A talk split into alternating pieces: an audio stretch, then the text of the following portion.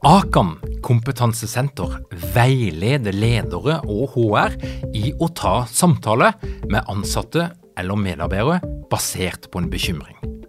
Akan setter ledere og medarbeidere i stand til å forebygge og håndtere en problematisk bruk av alkohol, narkotika, legemidler, spill eller doping blant ansatte. Ønsker du å lære mer om god forebygging og gjennomføring av samtale med en som du er bekymra for? Da kan du nå få tilgang på Akan sitt digitale samtalekurs til spesialpris, kun 760 kroner. Målet med kurset er å gjøre deg tryggere i det som kan være en krevende, men viktig samtale å ta i lederrollen. Du får tilgang til kurset med å gå til samtalekurs.no, samtalekurs.no, og bruke kampanjekoden LEDERPODDEN. Tilbudet gjelder ut april. Pass på folka dine. Vær ok med folka dine, og se folka dine. Hvis ikke så kommer de bare til å prestere fordi de er tvunget til det.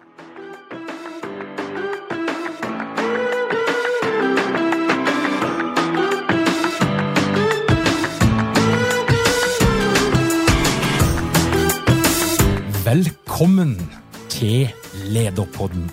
Mitt navn er Tor Åge Eikerapen. Jeg jobber som organisasjonspsykolog, og dette her er en podkast om ledelse.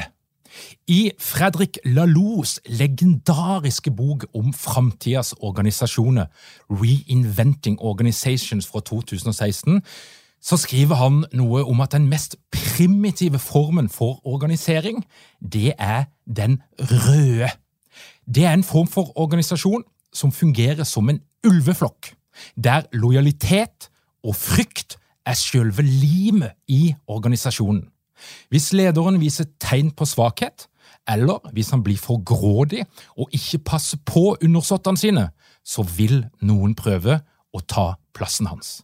En organisasjonsform som kan være ganske ustabil og vanskelig å skalere. Og i Norge så har vi én forfatter som i snart fire bøker om gjengen i Hillevåg beskriver nettopp en sånn organisasjon, nemlig Marie Ro Moving, leder av den følsomme, men brutale gjenglederen Jan Inge Haraldsen. Bror til Chesi, svoger til Rudi og mannen til Beverly Hinna. Bøkene har solgt langt over 100 000 eksemplarer, de er oversatt til over ti språk, og det som egentlig skulle være en trilogi, er nå på vei til å bli en firlogi, hvis det heter noe sånn, for i neste uke så kommer bok nummer fire av Salom Aleikum. Velkommen til Lederpodden, Tore Renberg. Ja, takk skal du ha. Ja. Du, det heter kvartett. Er det det jeg leter etter det ordet? Takk skal du ha. Ja, du det? ja. ja. Tore, det er ei uke til lansering. Ja. Åssen har du det? Nei. I et eh, liv som mitt, som er så avhengig av disse eh, eksplosjonene når det skal lanseres, så er dette en vanskelig, dette en vanskelig fase. Dette, er, dette, dette tror jeg Marit Bjørgen vet om. Dette tror jeg eh, Jens Stoltenberg vet om. Alle som må prestere noe eh, på et gitt tidspunkt, og det skal lanseres sånn som dette. Så det, det, det handler om å få kontroll på hverdagen. Det handler om å få kontroll på søvnen, psyken og være stabil. sant? For nå skal jeg liksom ha eksamen i hele Norges åsyn. Og det blir man jo egentlig ikke utlært i. Og så ser jeg jo at det, du er jo en fyr da som du er produktiv eh, som bare det. Det, det. det, kommer bøker på løpende bånd. Det er årlig. I tillegg så skal du gi ut musikk, vet jeg om. Mm. Men du virker jo som en type som òg liker det der å være der ute. Det ser sånn ut. S- Stemmer det? Ja, det gjør jeg. Jeg liker farten. Jeg liker, jeg liker arbeidet. altså. Jeg liker å være i gang. Jeg, jeg, eh, de gangene jeg får det tungt og gjerne blir litt nedstemt, og sånne ting, det er når det ikke skjer noe. Ikke sant? Det er når jeg ikke har arbeid. Jeg, jeg synes, hvis jeg skal være, jeg må innrømme det, jeg er ikke best på ferie. Jeg er ikke liksom den som er Hvis noen sier til meg nå, fire uker, gjør ingenting, så tenker jeg oh, dette blir tøft, sant? Så på godt og vondt dette, da. Det må man jo lære seg å regulere. Men jeg, eh, jeg liker å være i gang, ja. Jeg gjør det. Har du noen uh, teknikker som du vil bjude på for hvordan du håndterer for at liksom, Jeg ser for meg, jeg, har hørt at du er veldig strukturert, altså at du er på jobb og du skriver når du skriver, og så er det det du gjør. Men så har du òg de her periodene der du er ute, du treffer folk, du ja. leser, du spiller musikk. og Du, du jo Jeg så deg i Stavanger i juli, det regnet noe fryktelig. Uh, du kom gående gjennom der, og jeg tenker se på den mannen i uh, allværsjakka. ja, ja. For en hyggelig fyr! Ja, ja. jeg er veldig følsom, følsomme kunstnere, ikke sant? Og, og sånt. Jeg er veldig avhengig av å kontrastere dette litt litt på, på sett og vis ekstremsportaktige livet mitt med en veldig stødig hverdag. Altså, jeg, jeg, er avhengig av det. Jeg har ikke godt av at hverdagen blir for uryddig. Jeg har ikke godt av en døgnrytme som er for, eh, for drøy. Det, det kan være vanskelig i min jobb fordi du skal gjøre kveldsarrangementer, gjerne ting som strekker seg mot midnatt og vel så det. Men jeg er avhengig av den, at den hverdagen fungerer, at søvnen er god, og at, at rytmen ligger i bånn. For det er der du tar sats fra. Så når, når, jeg tar sats ut i det uoversiktlige feltet, der hvor du må dodge og smashe baller litt kjapt, og der hvor du må være veldig plastisk, så kjenner, da må de andre grunnfjellet det må være stabilt. da. Men deler du eh, året ditt opp i sånn deler, der du har eh, noen måneder for fokus og noen måneder for å være ute i verden, eller åssen mm. funker det? Ja, det prøver jeg å gjøre. og jeg, eh, jeg er veldig glad i planlegging. jeg er veldig Det er nesten litt flaut å si, men jeg elsker et fast løp. Eh, og så vet jeg at dette av og til blir brutt. Jeg vet at du av og til må bryte det, og da må du snu deg fort. Og så må du si nei, dette gikk ikke. Men ja, jeg gjør det. Jeg ser for meg så langt fram som overhodet mulig. Og så, så, setter jeg av ok, de to månedene der, kanskje de, nei, seks ukene der, da kan jeg gjøre det, da kan jeg gjøre, da kan, da kan jeg gjøre det.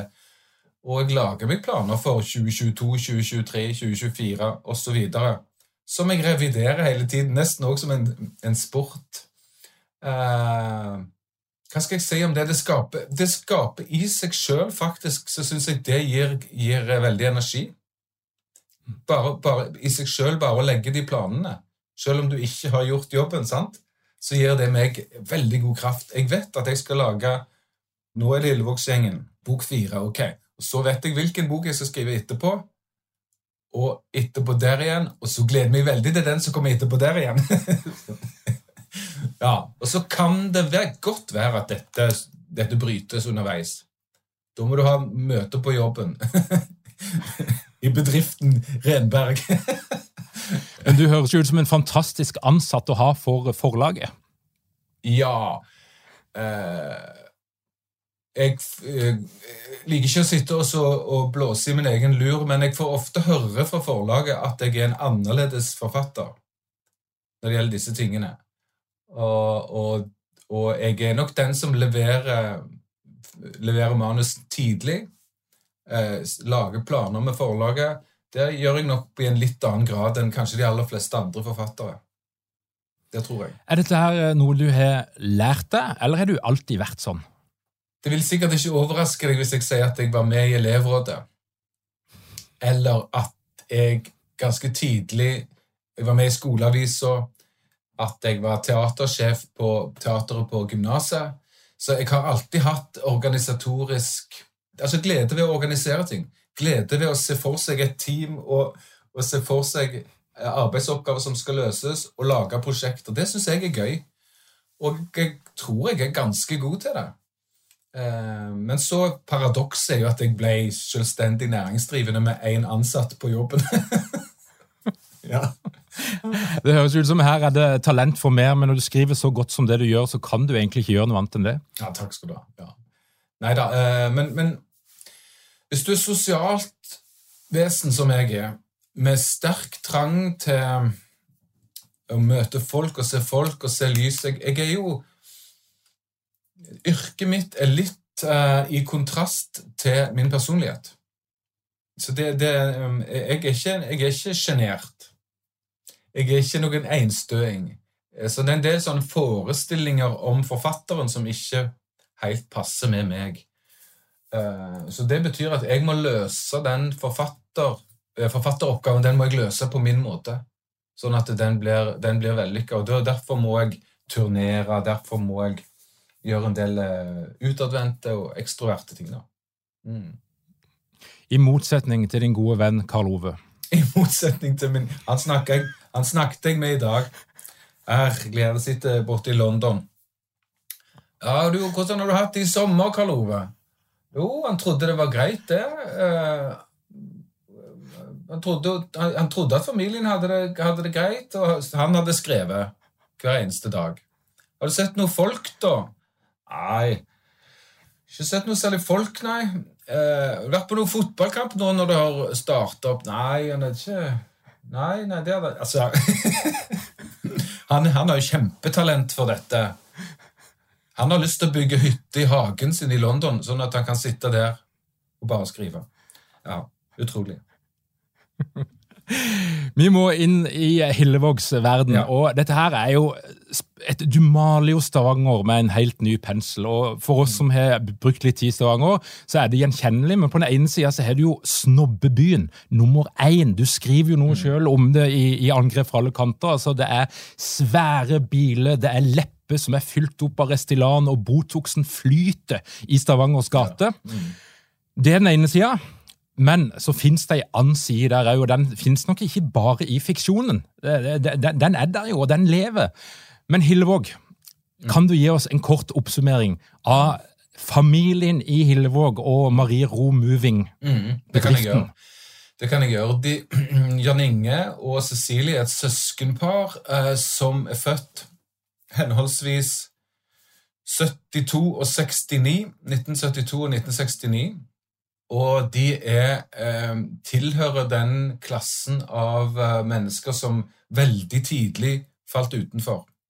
Hele samfunnsstrukturen, hele samfunnsmaskineriet. Falt ut av skoleverket, gikk under radaren for barnevernet og i det, hele tatt.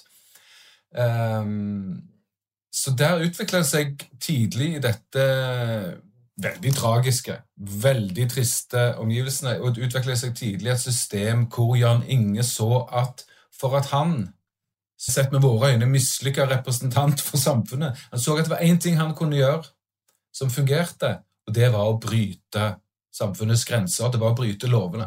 Så han ble veldig tidlig en kriminell. Det første han gjorde, det var å begynne å, å, å vise Han inviterte folk inn i hjemmet sitt, sånn at de kunne sitte der og få cola og chips og se på skrekkfilmer, mot at han fikk eh, sigarettkartonger osv. Og, og så begynte han, sjukt nok, å leie sin egen søster ut mot betaling.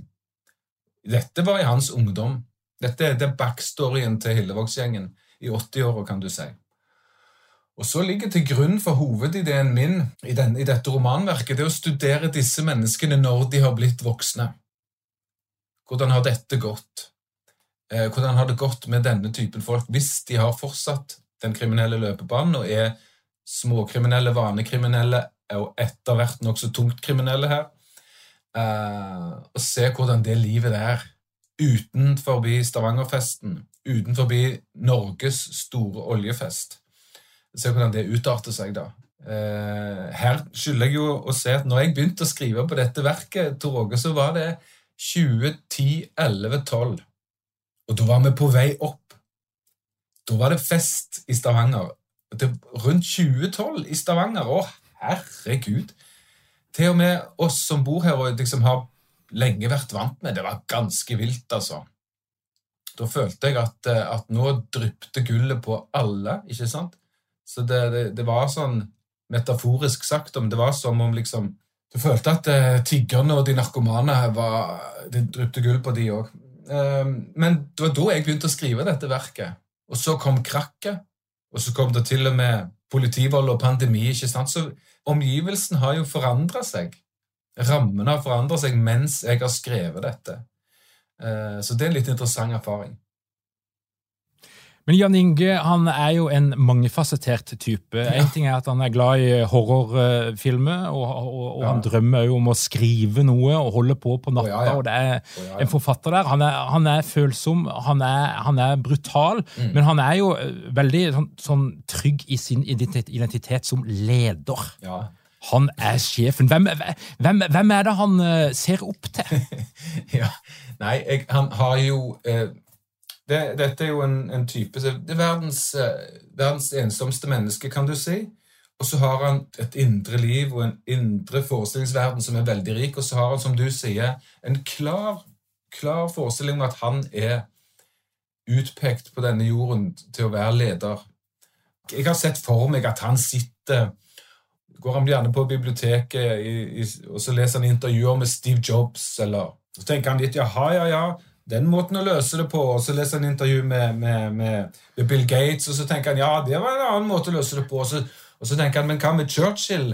Og så ser han seg sjøl i disse, disse, forskjellige. Og så, jeg husker For noen år siden da jeg satt og bygde dette, så tenkte jeg du vet, Dette vet du veldig godt. Det, sånn, det har vært en sånn boom av motivasjons- og lese, ledelsesforedrag av en annen verden. Alle mennesker som har, har, en eller annen historie å fortelle, skal komme og fortelle andre i næringslivet eller, eller det, hvem det måtte være, om, om sin suksesshistorie. det fins en sånn guru på nettet som jeg Simon Sinek, sant? Har du sett han? Som holder på. Absolutt. Absolutt, ja. Sånne folk som det, dette tror jeg Jan Inge syns er veldig spennende. Se sine medarbeidere. sant? Så mens han jo Konteksten her er jo det superkriminelle. Øye for øye, tann for tann-miljøet, hvor det er ingen struktur og masse dårlige ledere. Så jeg tror Jan Inge føler at han er, han er definitivt den fremste i, i, dette segmentet. da. Og han er jo noe av en intellektuell aspirant òg, så han liker jo å se seg sjøl som en klok leder. Men spesielt kanskje han der Simon Sinek tror jeg er Jan Inge har sett på. Ja. Men jeg vet jo at uh, når du starta på dette prosjektet, så gjorde du faktisk en del research. Ja, ja. Du snakka med folk i fengsel. Du har sannsynligvis uh, kontakter i det som er Stavangers underverden. Mm. Uh, pornofilmprodusent i Kvinesdal. Mm. Den slags. Ja, ja, ja. ja, ja. og, og er det du har tatt med deg fra de samtalene? Veldig mye. Det, det, er fint at du spør om det, fordi um, jeg er Tore Renberg fra 1972. Jeg kommer fra norsk middelklasse. Absolutt. Så, så, så min, eh, min, kriminelle løpebane fins jo ikke. Eh, jeg var en veldig forsiktig eh, Eller temmelig forsiktig ung gutt som, som så med store øyne på de, som, de, de i klassen som vågte å stjele noe. Ikke sant? Så det er meg. Så dette betyr bare at når jeg skulle begynne å skrive om et samfunnslag og mennesker som ikke mine nærmeste venner, som måtte gjøre tung research. Så jeg tenkte at nå, nå er jo mitt mål her å skildre disse fra innsiden. Ikke sånn som jeg tror det, men prøve å faktisk få tak i dem. Så jeg har henvendt meg til kriminalomsorgen, vært på besøk i en rekke norske fengsler og oppretta tillit og kontakt med mennesker i, i miljøet, ja, som du henter til. Pluss at jeg har snakka med advokater og journalister og jurister og politifolk, hele feltet, da. For å prøve også å komme inn under huden på dette. Det syns jeg har vært eh, veldig interessant. Eh, til dels får du bekrefta en del eh, forestillinger og stereotypier, og så får du avkrefta veldig, veldig mye på en og samme tid. Du møter jo først og fremst veldig stort sett veldig intelligente folk som deg og meg, som på et eller annet tidspunkt eh, Torge har eh, gjort eh, noen dårlige valg eller støtt på noen dårlige folk eller et eller annet. Men eh, det lå til grunn for Texas i aller høyeste grad. Sånn at eh, når Jan Inge sjøl sier at han kunne blitt professor eller prest eller sånn eller sånn, så tror forfatteren på dette. Jeg tror at hans evner er veldig rike. Hans livsbane og livsløp katastrofalt, og at oppveksten hans er skrekkelig. Men evnen hans eh, er rike. Og når, og når, Cecilie tenker at hun kunne blitt sykepleier, så tror jeg på det. Eller kirurg. Og når Rudi sier at han kunne blitt eh, standup-komiker, så tror jeg på det. så jeg har behandla de som jeg har behandla de som intelligente samfunnsmennesker som har havna et vondt sted. da. Og de, de, de, holder jo sammen på et eller annet vis. Nå får vi jo se hvordan det utvikler seg i boka som kommer i neste uke, men, men Jan Inge lykkes jo på en eller annen måte litt med dette her prosjektet. Uh, og, og, og er det som gjør at han får det til?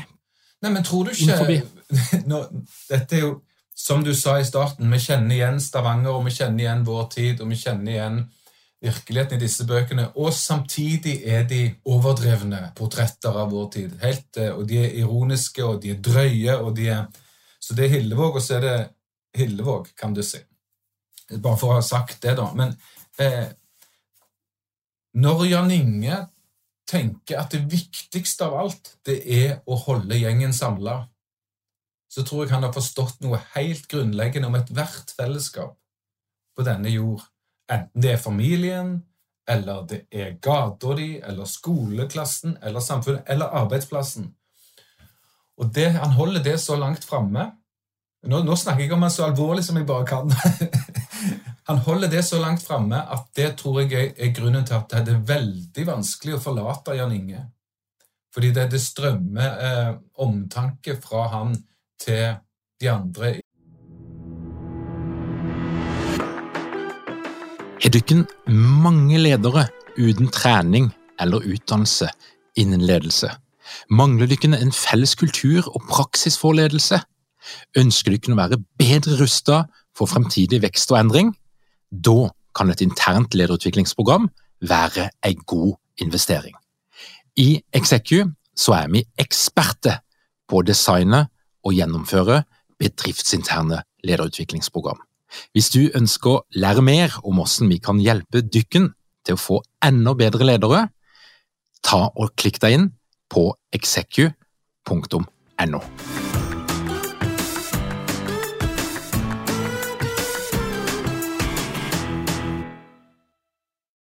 på arbeidsplassen. Og Det begynner de sekundene han står opp. Han, eh, han anretter, som han pleier å si. Jeg anretter da et godt frokostbord, sier han. Og der, der, må, der, må, der, må, jeg stoppe litt, for, for Jan Inge han, han, kødder ikke med frokost. Nei, nei, det er viktig. Eh, og han tar veldig på alvor hvordan, et frokostbord skal se ut. ja. eh, eh, og, og, jeg tenker jo at han, han, er jo inne på noe. Ja, jeg mener jo ja. Eh, det der skal egentlig ikke le av dette, for det det, hvis du ser dette som et seminar, da, så står menneskene opp. Med mennesker, Noen har kanskje sovet dårlig, noen har kanskje fått en, en dum telefon hjemmefra. Noen tenker kanskje på noe Hva det måtte være, da? Eller at det er for mye i hodet. Og så kommer du der, og så ser du at noen har tenkt på deg.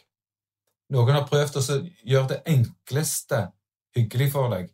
Maten du skal få. Det første du skal gjøre i dag. Her er alt til stede. Jan Inge overdriver kanskje litt. For det er jo liksom dill og majones og eggerøre og laks og gravlaks. Og jeg vet, jeg vet ikke hva hver eneste dag som, som, jo roper veldig høyt om hans redsel for å miste medarbeiderne sine. da. Men han er inne på noe. Det, det, må du og meg være enige om. Han er inne på noe. Han fasiliterer denne dagen fra den begynner. Uh, ja. Og det syns jeg Jeg syns han, han, tenker godt. Altså, Det er riktig tenkt. Og så gjenger det jo sin gang, og han, han slites jo litt mellom fortida, eh, nostalgien, og framtida som kommer tettere og tettere ja. på han. Ja. Vil du si sånt, uh, Jan Inge til å håndtere endring og, og, alt dette her som skjer? Veldig bra. Ja. Um, Lågsgjengen og Marie Moving er, er, jo har jo ikke hengt sånn fantastisk godt med i tiden. Og, og, men Jan Inge er vel sånn Han er vel medium god til dette, men Rudi er en klamp om foten der. For Rudi mener at alt, alt var bedre før. Punktum. Finale. Ja, så Rudi er jo en fiende av, uh, av framtiden og, og, endring. Han frykter noe voldsomt. Så Rudi er mer i slekt med min, med min hissige karakter fra fjorårsromanen 'Tollak til Ingeborg', faktisk. Ikke sant? Eh, Jan Inge er jo litt spent Jan Inge er spent på endring. Jan Inge er spent på forandring. Så han, han har jo det i seg. Eh, problemet er jo yrket. Problemet er jo det kriminelle yrket. At alt som, alt som har med det digitale å gjøre, er livsfarlig for Lillevågsgjengen. Så der har, han, har, de store problemer. Vi snakker jo om, om kontanttelefoner og og den typen ting her. ikke sant? Så de, det var jo lettere før. Og Jan Inge syns jo det er blitt veldig ugreit. Altså dette cashløse samfunnet som skal rive ned livsgrunnlaget til oss kriminelle. ja. Uh, ja. Jeg har han jo her uh, Altså, dette var jo uh, Dette var bok én, ikke sant? Mm. Bare fant fram Prøvde å se hva han sier om ledelse her. Jan Inge fyller munnen med chips. Holde gjengen samla, ja. Være en god leder. Han så et program om bedriftsledere på TV, han hørte hva de sa, og han kan ikke si at han bryter med noen av grunnprinsippene for godt lederskap. Tillit, tilstedeværelse, ambisjoner, fasthet, å se sine medarbeidere.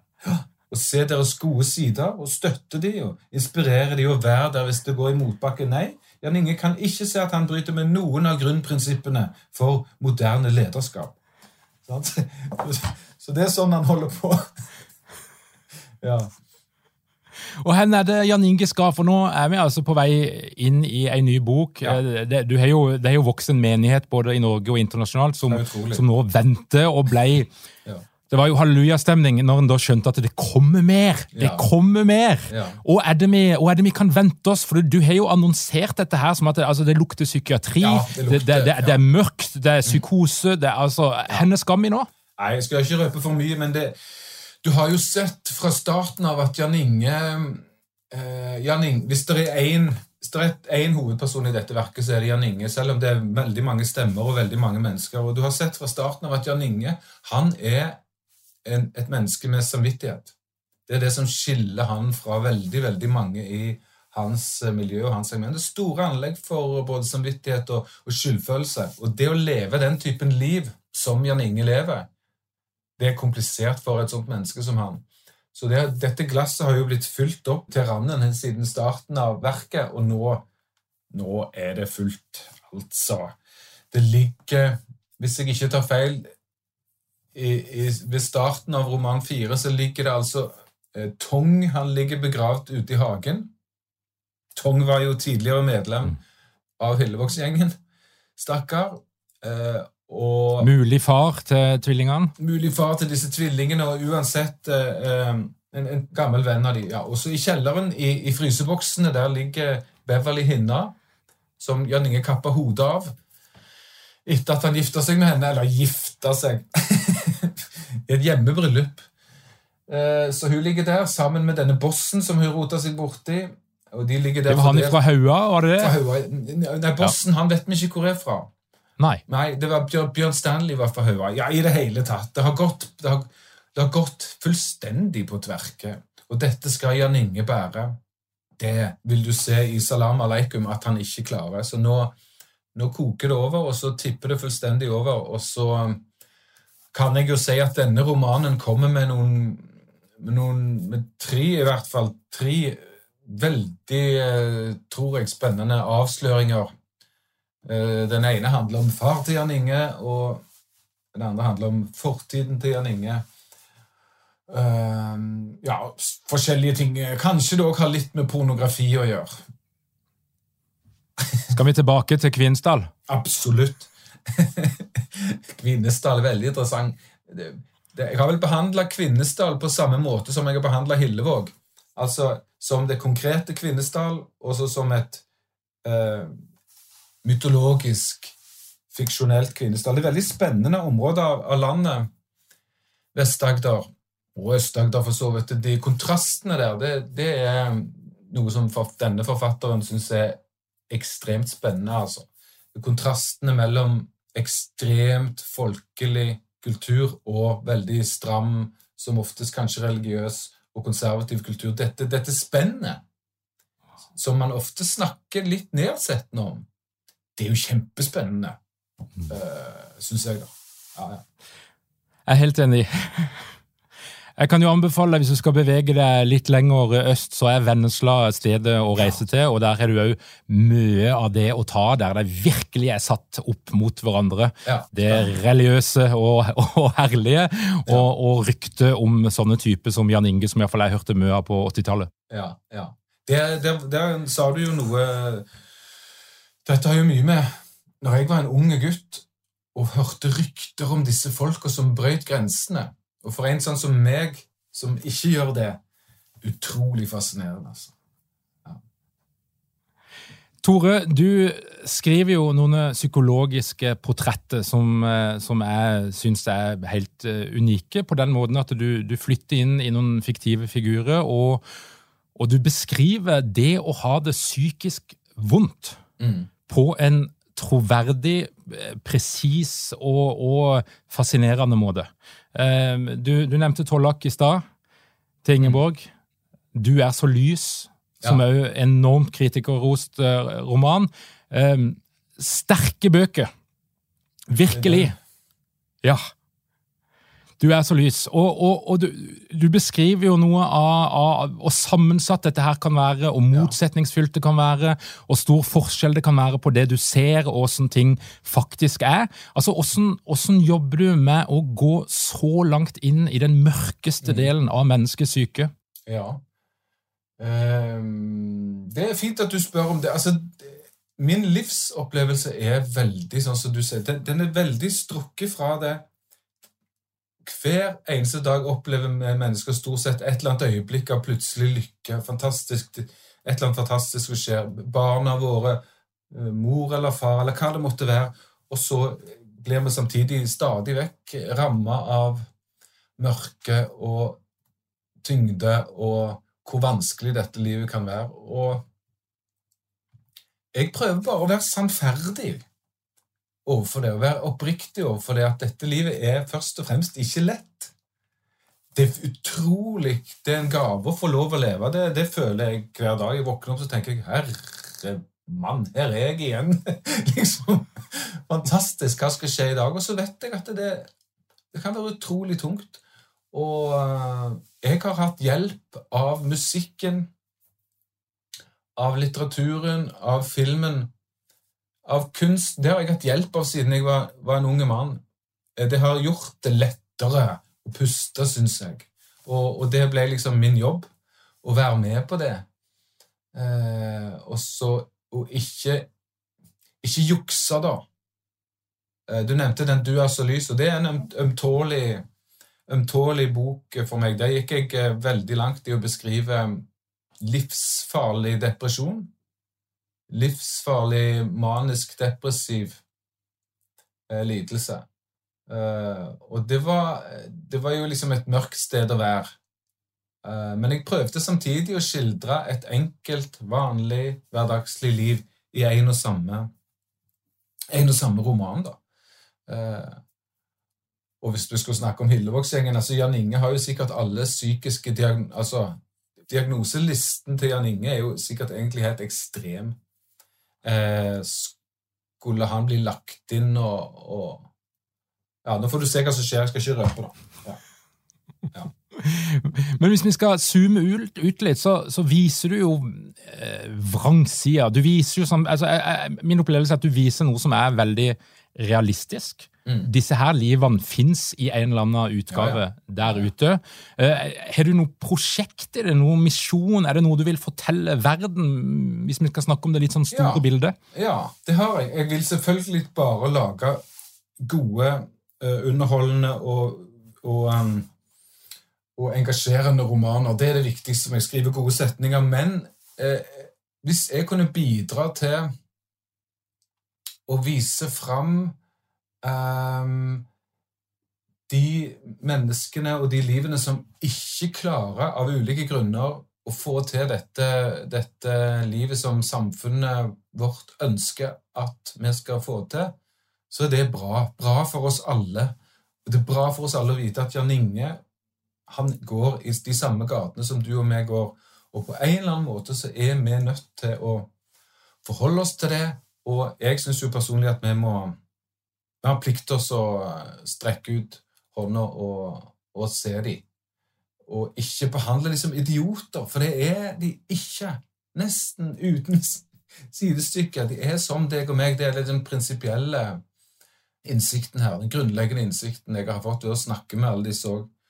Og så vil jeg jo kanskje si at Og det vil du se mye av i, i Salam aleikum, at uh, vi lever jo i et skifte mellom uh, hva skal vi si, mellom José Mourinho og Jørgen Klopp. Mellom før og nå. Mellom før og nå i tenkning, og mellom før og nå på så veldig mange, mange plan i, i, vårt samfunn. Og det, det, disse romanene foregår akkurat i det skiftet.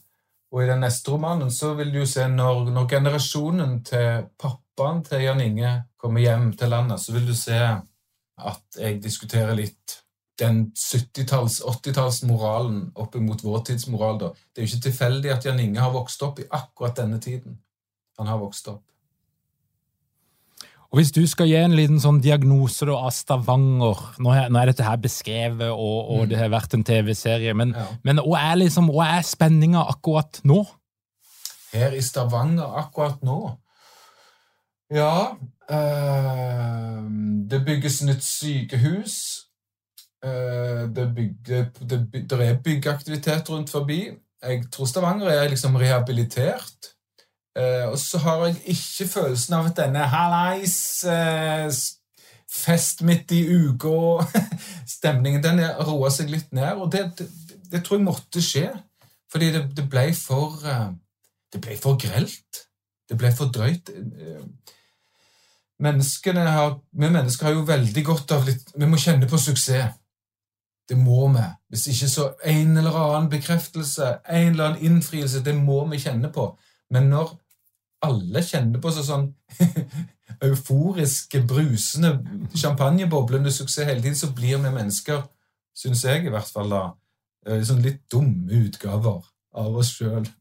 Så det er ikke godt for oss. Vi er nødt til å arbeide litt. Så det er vel Stavanger akkurat nå, at vi, vi må ta i noen tak. Eh, så vanskelig å diagnostisere samtiden. Det er så utrolig mye lettere å diagnostisere det som hendte for 10-20-30 år siden. da. Eh, det husker jeg jeg skrev en bok som het 'Mann som elsket Yngve', eh, som ble en stor, eh, stor roman for meg. og Den var jo skrevet i starten av 2000-tallet, og den omhandla da det å være ung i ca. 1990. Og det spennet på 10-12-13 år, det var det som skulle til for å kunne eh, analysere den, den, fasen. Og det er jo et, er et problem vi mennesker har, at det, det, er utrolig vanskelig å se det som foregår akkurat nå, fordi du står midt oppi det. Og i pandemi i tillegg, ikke sant? Mm.